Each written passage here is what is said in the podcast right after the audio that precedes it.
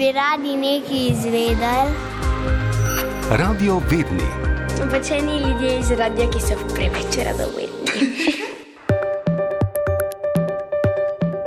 Hej, radiovedni, tokrat vas pozdravlja Maja Ratej. Te dni smo vsi zaskrbljenostjo pogledovali proti naši zahodni meji, kjer se je z ognjenimi zubli borilo več tisoč gasilcev.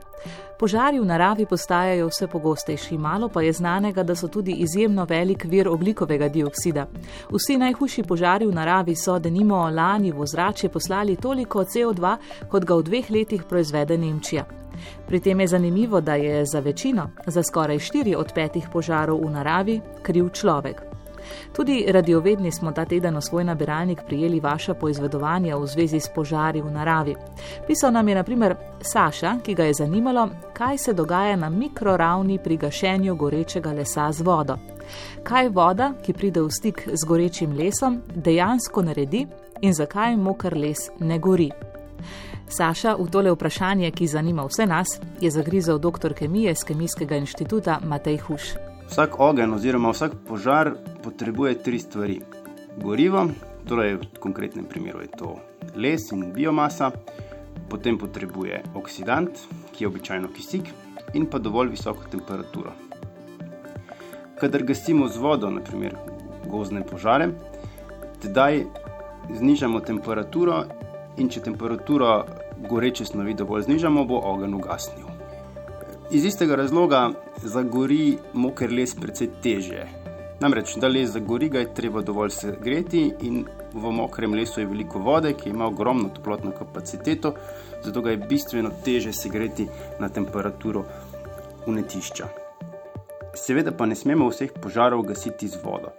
Tak primer je naprimer goreče olje ali pa goreča mast v gospodinstvu. Takrat bi z vodo situacijo bistveno poslabšali.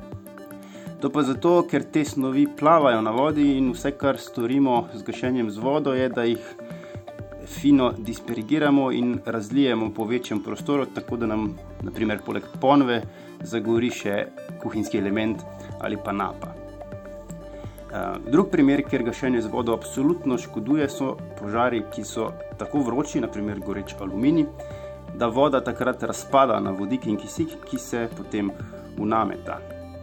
Še en tak primer so naprimer substance, ki agresivno reagirajo z vodo. Si poznamo karbid, ki ob stiku z vodo ustvari acetilen, ki je tudi unetljiv eksplozivni plin.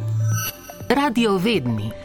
Tako torej voda opravi z ognjem in tako je tudi z vprašanjem, ki nam ga je zastavil Saša, opravil Matej Huš z Kemijskega inštituta.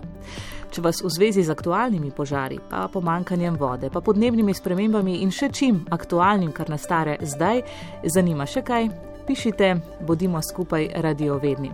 Vaše vprašanja zbiramo na elektronskem naslovu frekvenca xafna.rtvslo.si.